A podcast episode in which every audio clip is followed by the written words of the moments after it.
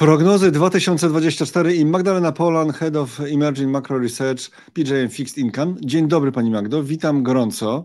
Dzień dobry. E, Robert Stanilewicz, Analizy Online. Będziemy mm, rozmawiali o tym, co może przynieść 2024 rok, albo może inaczej, e, co mm, Pani Magda mm, e, Polan widzi jako istotne zjawiska, które mogą wpływać na rynki, na rynki w 2024. Ale najpierw chwila wyjaśnienia, bo widzieliśmy się już e, tyle razy i zawsze scenaria była zupełnie inna. Teraz jesteśmy w siedzibie.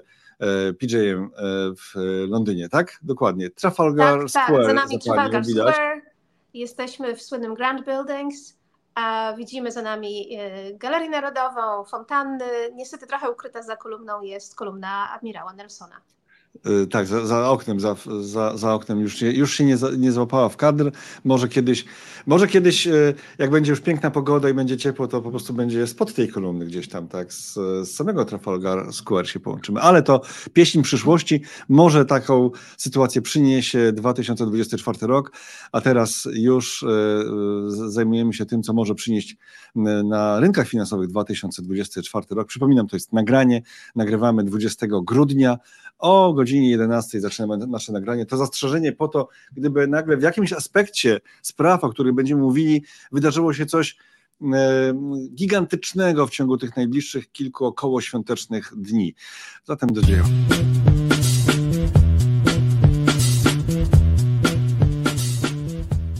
Czy w 2024 roku, Pani Magdo, ciągle najważniejszym pytaniem będzie dla rynków inwestycyjnych, nie dla konsumenta, nie dla przedsiębiorcy w tym czy innym kraju, ale dla rynków finansowych na świecie. E, będzie pytanie o to, co zrobi rezerwa federalna, czy będzie podnosiła, y, obniżała, no właśnie, e, ciągle ten zapis z poprzednich miesięcy e, we mnie, jak widać, jest, nie, nie podnosiła, obniżała stopy procentowe, bo po ostatnim posiedzeniu FOMC, czyli Komitetu Otwartego Rynku, który decyduje o poziomie stóp, zrobiło się bardzo gołębie po wystąpieniu Johna Powella, także po tym, co pokazał słynny wykres kropkowy, oczekiwania na obniżki stóp procentowych w 2024 zostały bardzo, bardzo rozbudzone. Czyli jak to będzie? Jakie są Pani scenariusze? Tak, na pewno. Y, niezależnie od scenariuszy, to, co będzie robił Fed, to, co się będzie działo w gospodarce amerykańskiej, będzie na pewno bardzo ważnym czynnikiem dla rynków finansowych, dlatego że to jednak pozostaje główny bank centralny świata i główna waluta, i oczywiście wielu inwestorów aktywnych na rynkach globalnych albo pochodzi ze Stanów Zjednoczonych, albo działa w dolarze. E, więc to na pewno pozostanie nie tylko w przyszłym roku, ale przez wiele następnych. Co będzie się działo? Rzeczywiście, Jay Powell był bardzo gołębi po ostatnim posiedzeniu, zaskoczył rynki, które już i tak zaczęły wcześniej wyceniać obniżki stóp procentowych i wyceniały ten scenariusz miękkiego lądowania, czyli e, łagodnego osłabiania się wzrostu, e, spadku inflacji i później ścięć stóp procentowych w Stanach Zjednoczonych ale ta, ta wypowiedź była rzeczywiście zaskoczeniem, w sensie pozytywnym dla tych gołębi oczekujących obniżek i to dodało tylko e, oliwy do ognia tego rynku, który już w miarę sobie e, wycenił i obniżki i wycenił też wartości co niektórych aktywów, które są wrażliwe na, na stopy procentowe. Oliwy, oliwy, do, oliwy do ognia, albo można też powiedzieć, e, Powell dolał szampana do imprezy. Do szampana na imprezę oczywiście, Mikołajki, podobne, e, e, tak, mamy oczywiście ten, ten okres, co e, dla nas z punktu widzenia takich praktycznych nie było najlepsze, dlatego że w grudniu ta płynność na rynkach już spada, więc jeżeli chcemy coś zrealizować w grudniu, no to niestety ciężko jest kupić i, i sprzedać co niektóre aktywa, szczególnie na rynkach schodzących, które są często mniej płynne. Ale wracając do tematu, na pewno będzie to ważny czynnik i nie tylko to, co będzie na tych poszczególnych posiedzeniach e, e, Powell mówił, ale też to, czy na przykład on się nie zapędził w tych ostatnich e, deklaracjach, bo widzimy już z komentarzy innych członków Federal Reserve, czyli na przykład szefów czy szefowych innych tych regionalnych Fedów, że być może no, trochę było to zbyt optymistyczne i trzeba trochę jednak te oczekiwania stonować. Więc to na pewno ta walka, te oczekiwania pomiędzy tym, co wyczekuje, co, o czym myśli rynek, na co oczekuje, bo oczywiście rynek oczywiście chciałby mieć te niższe stopy procentowe, z rzeczywistością, czyli z danymi, które będą napływały, i z tym, jak naprawdę chce się zachować Fed, będzie na pewno dużym czynnikiem napędzającym lub chłodzącym rynek w przyszłym roku. I pewnie wciąż będziemy mieli takie e, początki dostosowania, wyprzedaże, rally, ale raczej jesteśmy w kierunku teraz już na pewno niższych stóp procentowych niż do tej pory, bo nawet do końca tego roku, 23, mhm. ciągle myśleliśmy o ryzyku tym, że mogą jeszcze te podwyżki być. Ale czyli w jakiej makro, skali, czyli w, jak, czyli w jakiej skali te podwyżki, Pani zdaniem, rzeczywiście realnie należy oczekiwać? Myślę, że te podwyżki już nawet podwyżek obniżki, na pewno obniżki. już nie będziemy mhm. oczekiwać.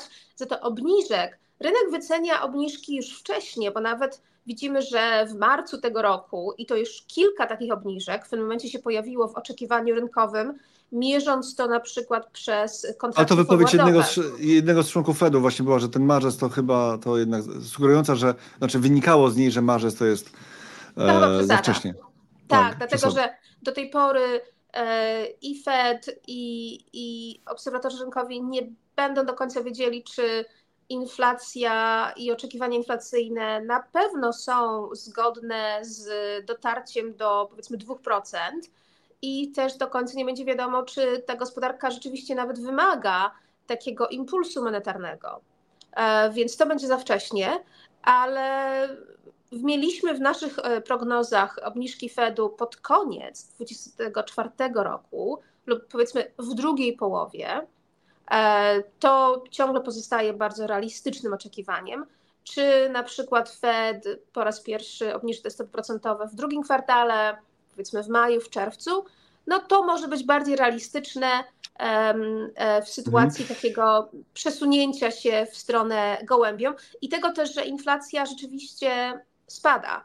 Ona A czy macie w swoich prognozach poziom? Czy macie w swoich prognozach poziom, y, skalę tych obniżek, obniżek w 2024? Czy to 50 punktów, y, punktów bazowych, 75 punktów bazowych, 25? Ile to może być? Czy, zosta- czy, czy to nie liczycie, nie prognozujecie tego w ten sposób? Myślę, że w, tych, e, w tej sytuacji taka prognoza 50 do 75 może być bardziej realistyczna do końca roku. Nie dokładnie w danych momentach, ale bardziej mhm. do końca roku jako, jako prognoza. Mhm, okay. Ale jeżeli miałabym dodać do tego taką gwiazdkę i przypis, to poziom przekonania co o trafności tych prognoz, e, czy naszego zaufania w trafność tych prognoz jest ciągle w miarę niski. E, więc my robimy nie tylko właśnie prognozy, ale też próbujemy definiować, jak dużo mamy zaufania w nasze własne prognozy. Jak, aha, czyli pisze, piszecie prognozę i piszecie, mam prognozę, ale jej nie ufam? To w ten sposób działa? W sensie mam dość duże e, odchylenie i niepewność. Aha. Nie czy to, że jej nie ufam, Rozumiem.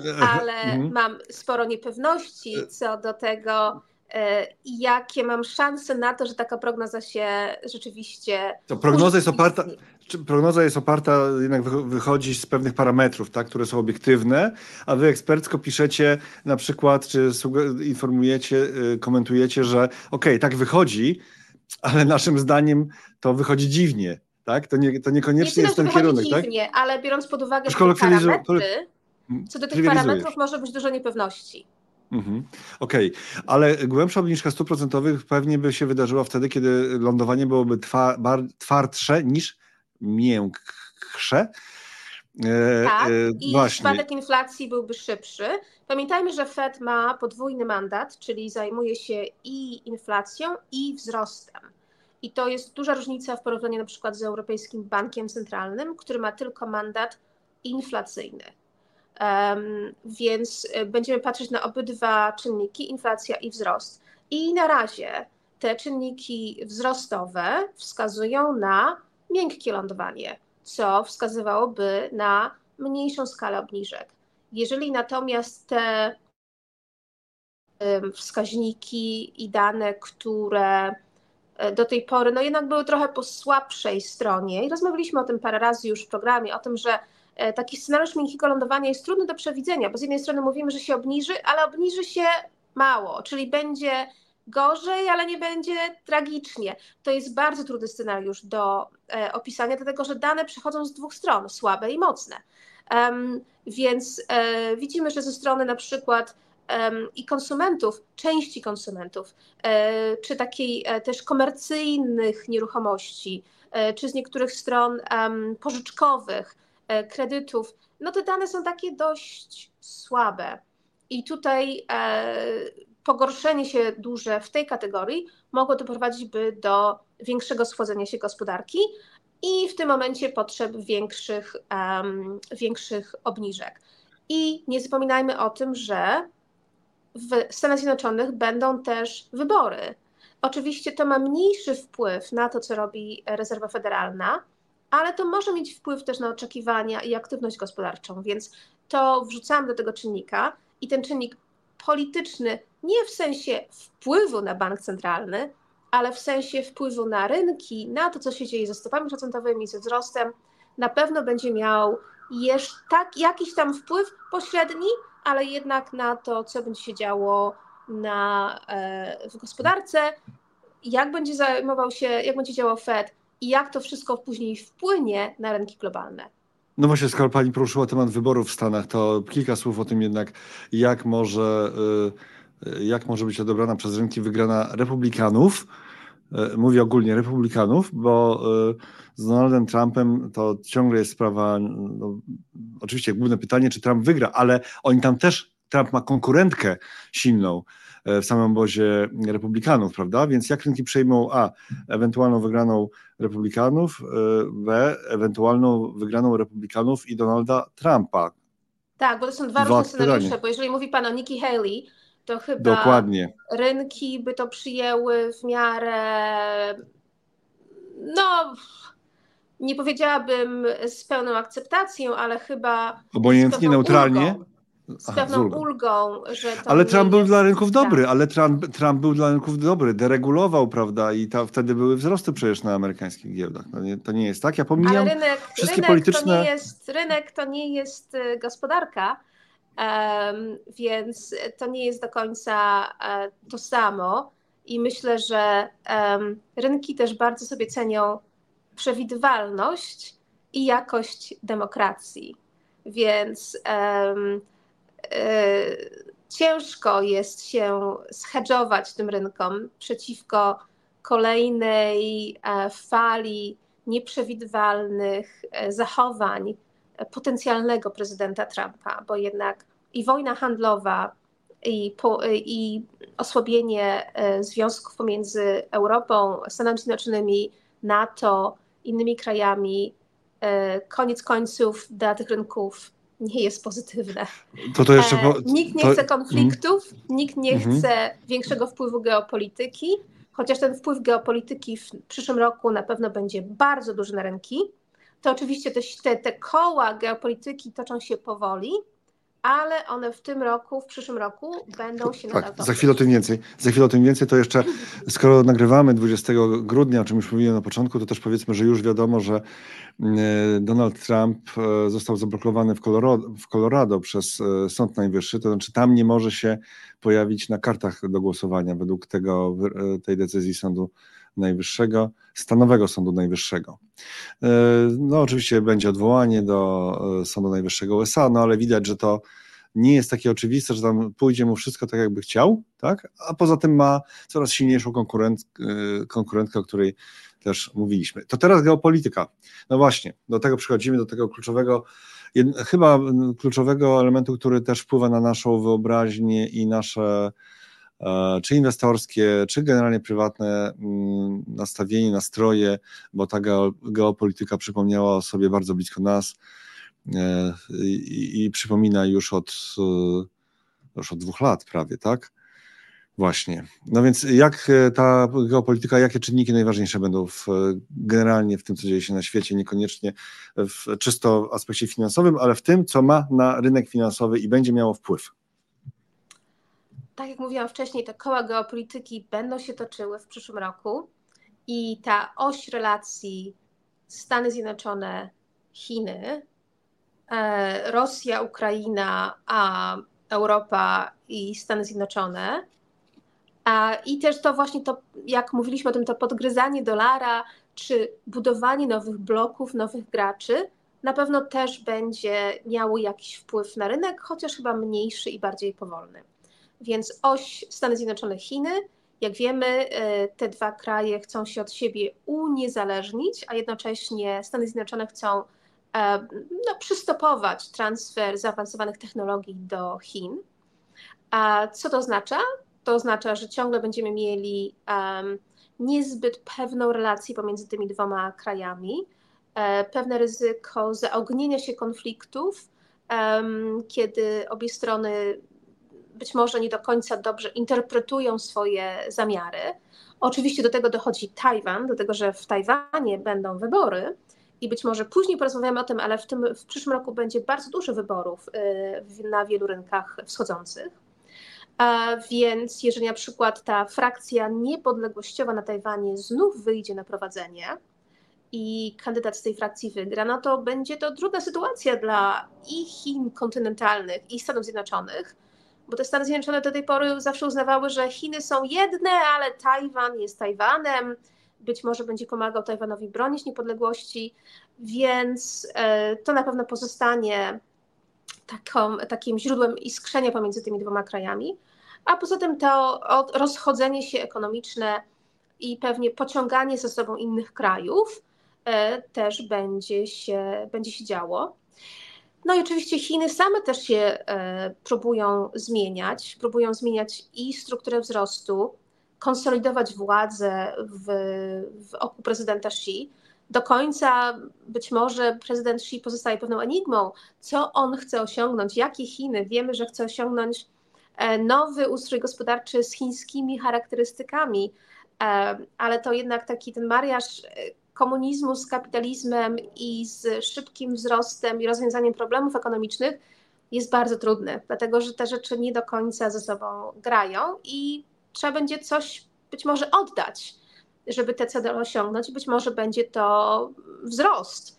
E, I te cele ambitne, wzrostowe, które zawsze Chiny miały do tej pory, powyżej 5%, być może Chiny, aby osiągnąć swoje cele, będzie, będą musiały zaakceptować niższy wzrost w przyszłym roku, no a to już oczywiście będzie miało wpływ na rynki finansowe, szczególnie na Azję i gospodarkę globalną i na to, jak zachowują się waluty, nie tylko chińska, ale też te azjatyckie i w ogóle cały nastrój e, wobec gospodarki światowej, szczególnie rynków wschodzących i na przykład tych napływów na, na rynki wschodzące, które, jeżeli popatrzymy tylko na czynniki związane ze stopami procentowymi, wzrostem ogólnie, powinny się odbyć, odbić w przyszłym roku. One już się odbiły ale powinny się dalej odbić, co będzie pozytywne na przykład dla Polski. Ale takie nastroje co do tego właśnie, jak będzie wyglądał wzrost w Chinach, e, czy jak będzie to wpływało na waluty rynków wschodzących, na pewno też będzie miał przełożenie na apetyt na ryzyko rynków globalnych. Jeszcze na sekundę chciałbym wrócić do samego wątku amerykańsko-chińskiego. W ostatnich dniach jednak Janet Yellen e, podkreśliła w pewnym wystąpieniu, że wspiera trzymanie Stanów i Chin jak najdalej od dekaplingu, tak? No bo z punktu widzenia bo to jest szkodliwe, bo jest, bo, jest, bo, jest, bo, jest, bo jest kosztowny dla obydwu stron. Z drugiej strony na Kapitolu jest taka komisja od badania e, konkurencji pomiędzy Stanami Zjednoczonymi a komunistyczną partią Chin, nie między Chinami, komunistyczną partią Chin i tam w materiale jest napisane, że w ogóle koniec wolnego handlu. Koniec trzeba skończyć z wolnym handlem, już tak parafrazuję i upraszczam, po to właśnie, żeby zakończyć e, to rosnące ryzyko, czy zatamować to rosnące ryzyko e, osiągnięcia przez Chiny przewagi nad Stanami czy jak tam piszą, chińskiej partii komunistycznej nad Stanami. No bo to jest cel widać... geopolityczny oczywiście, ale dlaczego ten handel tak się rozwinął? Po pierwsze dlatego, że pozwolono na to, a po drugie dlatego, że to się po prostu opłacało. Czyli jednak to miało bardzo wymierne korzyści ekonomiczne, nie do końca równo y, rozdystrybuowane pomiędzy różnych graczy, ale to miało bardzo duże korzyści ekonomiczne. Więc takie teraz rozdzielenie się E, jest trudne, dlatego że trzeba odbudować łańcuchy produkcji, a ta, te nowe miejsca produkcji być może po prostu będą e, bardziej kosztowne i mhm. takie przebudowywanie oczywiście wymaga więcej czasu, e, czyli to prowadzi do kolejnych zakłóceń w, tych, w tym łańcuchu globalnych dostaw, a co widzieliśmy na przykładzie COVID-u i później. E, I to jest no, często bardzo kosztowne. Dla gospodarki światowej, amerykańskiej i, i dla rynków finansowych. Więc nie dziwię się, że Janet Yellen mówi o tym. Mamy oczywiście też pewne zyski z tego, dlatego że jeżeli takie dwie główne gospodarki no, trochę idą na ostro, to nieprzewidywalność związana ze zwrotem z inwestycji, ale też powiedzmy bezpieczeństwem naszych inwestycji, bezpieczeństwem naszych fabryk, które są ulokowane za granicą, oczywiście spada. Więc ich relokacja w inne miejsca, bardziej przyjazne, czyli tak zwany friendshoring, ogranicza to ryzyko, co oczywiście wtedy też ogranicza koszty takiego, e, takiego ryzyka politycznego. Więc mamy z jednej strony plus, z jednej strony minus, e, ale no wzrostowo no taka, takie rozdzielenie się nie jest pozytywne. Czy konflikt o Tajwan będzie straszył w 2024 roku? Tak, na pewno. Myślę, że w kontekście tych wyborów na Tajwanie na pewno e, zależy, kto wygra i jak do tego ustosunkują się Stany Zjednoczone i Chiny. Według wielu analityków taki konflikt Chinom się nie opłaca, ale być może jeżeli takie bardzo mocne głosy niepodległościowe odezwą się na Tajwanie, no to a mogą, tak? W wyniku zmuszone na to zareagować. Więc tutaj chyba bardziej myślimy o mm, takim ryzyku pomyłki geopolitycznej lub po prostu takiego wypadku geopolitycznego bardziej niż zamierzonego działania. E, a mogą te siły takie mocno niepodległościowe w Tajwanie e, głośniej tak, zabrzmieć? Tam są tak? różne, różne partie. Przez jakiś czas y, kandydat z takiej właśnie partii niepodległościowej był na prowadzeniu. Później pojawiła się koalicja partii bardziej umiarkowanych, które razem mają więcej głosów. No ale zobaczymy, jak to do końca się w tych wyborach rozłoży. E, a jak, teraz na gorąco mi przyszło taka myśl do głowy, tylko pytanie, a jak wygląda rynek długu Tajwanu? Jak wygląda emisja obligacji? Jakie są tam rentowności? E, inwestorzy e, nie mają obaw, kupują te obligacje? No chyba jakieś są, prawda? Muszę przyznać, że nie patrzę na to za bardzo, to? ale patrzymy na Tajwan bardziej w sensie tego, że tam są ulokowane ciągle e, największe fabryki najbardziej zaawansowanych mhm. mikroprocesorów. Tak, dokładnie to. E, mhm, tak, a mamy w innym materiale. Pańscy są dużymi graczami na rynku globalnym. Ale to, e, aha, oni są dużymi graczami na rynku globalnym, ale jeśli chodzi o te procesory, to ciągle lwia część procesorów na świecie jest produkowana na tej wyspie, po prostu. Tutaj I się nie najbardziej zaawansowanych. Tak, dokładnie.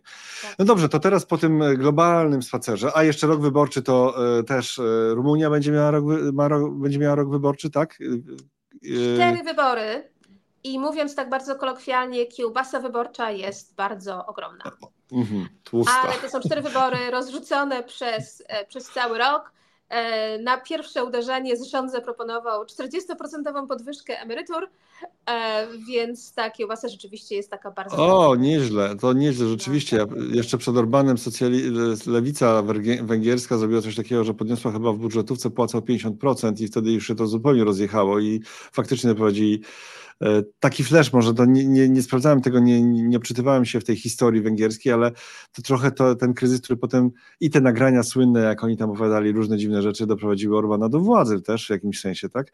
No to ciekawe. Rumunia, poza tym e, e, wybory w takich innych, Meksyk, tak, który staje się dla Stanów nowymi Chinami w sensie produkcyjnym, prawda? On wygrywa bardzo dużo na nearshoringu. E, parę jeszcze innych. Muszę sobie przypomnieć do końca tę listę. E, ale, ale w, Chile z kolei biją się z, w Chile biją się z konstytucją, której sobie nie mogą. Chile konstytucja, tak, po raz tak, kolejny. zrobić nowej. Więc to na pewno będzie miało, e, na pewno będzie ważne. No i oczywiście w całej Europie wybory do Parlamentu Europejskiego, a w Polsce wybory lokalne. No i dużo różnych tam wyborów porozrzucanych po różnych krajach świata. Ale te ciekawostki sobie i tą kiełbasę rumuńską o Rumunii więcej następnym razem w takim naszym regularnym spotkaniu o 8.45 E, na żywo, bo to bardzo ciekawe wątki. Wiele osób w ogóle chciałoby wiedzieć, a nie wie za wiele o tych krajach. E, no to teraz już wracamy po tej wycieczce na chwilę chociaż do Polski. To będzie rok, dobry rok dla Polski. Przynajmniej na początku zastrzeżenie takie to są pani słowa. To niech cały będzie dobry. To będzie na pewno, będzie pewnie dobry rok dla Polski, dlatego że jak mówiłam wcześniej, E, warunki na e, zwrot, powrót funduszy na rynki wschodzące są bardzo dobre. E, te fundusze już zaczęły wracać, co widać też w wycenie aktywów, szczególnie obligacji, ale też akcji. A więc pieniądze wracają na rynki wschodzące. Jeżeli Fed będzie obniżał stopy procentowe, szczególnie w scenariuszu tego miękkiego lądowania, no to jest bardzo dobry scenariusz dla rynków wschodzących. W Polsce też oczywiście zmienił się rząd na mam nadzieję, bardziej przewidywalny, z bardziej też transparentną polityką fiskalną, co powinno pomagać. E, Polska jest największym rynkiem w regionie, więc to też jest atrakcyjne dla, e, dla inwestorów, dlatego że jest płynność, to co pomaga. No i najważniejsza rzecz, um, obecność inwestorów zagranicznych na rynku polskim jest bardzo niska procentowo jest najniższa od wielu lat, dlatego że inwestorzy, powiedzmy tak, już od 2018 roku, kiedy Fed zaczął te stopy podwyższać, i później po COVID-zie, wycofywali swoje fundusze z Polski. A więc e, ta kombinacja i obniżek Fedu, lub przynajmniej oczekiwań tych obniżek, poprawy powiedzmy jakości tego zarządzania fiskalnego, oczywiście biorąc pod uwagę też duże potrzeby finansowe, e, pożyczkowe w Polsce. I takie ocieplenie e, poglądów na rynki wschodzące powinna Polsce pomagać. E, rynkowi polskiemu, czyli i złotemu, i obligacjom. Dlaczego mówię przynajmniej na początku? Dlatego właśnie, że te oczekiwania Fed co do Fedu mogą się zmienić. Um, I pamiętajmy, że rynki wschodzące, tak jak Polska, no czasami dostają tak podwójnie Dostają podwójnie, dlatego że jeżeli sytuacja w Stanach jest bardzo dobra, Fed podwyższa stopy procentowe, no to jest złe dla rynków wschodzących, no bo te, te, jednak te wyceny są mniej atrakcyjne.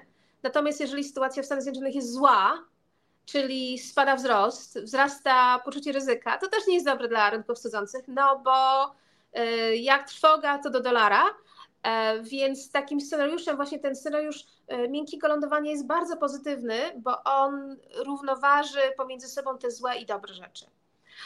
No ale zobaczymy, jak Fed, co naprawdę Fed będzie robił, jak będą się zmieniały oczekiwania i oczywiście, czy te czynniki polityczne nie wkroczą znowu na scenę. Więc przynajmniej początek roku powinien być dobry dla złotego, dla, um, dla ogólnie rynków wschodzących, um, więc e, do tego dochodzi ten czynnik krajowy, czyli potencjalnie lepszej jakości zarządzania, co oczywiście powinno dodać i szczególnie w porównaniu z tym, co się dzieje na, na, w regionie, czyli na przykład Rumunii, te cztery wybory, cztery e, e, kampanie wyborcze i ta kiełbasa wyborcza, tym, co się dzieje na Węgrzech, czyli ciągle mimo tej, tego właściwie szantażu premiera Orbana, aby, po to, żeby dostać fundusze z Unii Europejskiej, ten, te związki są bardzo trudne. Oczywiście rynek czeski jest trochę mniej, jest bardzo atrakcyjny dla inwestorów zagranicznych, ale jest mniej w sensie zwrotowym.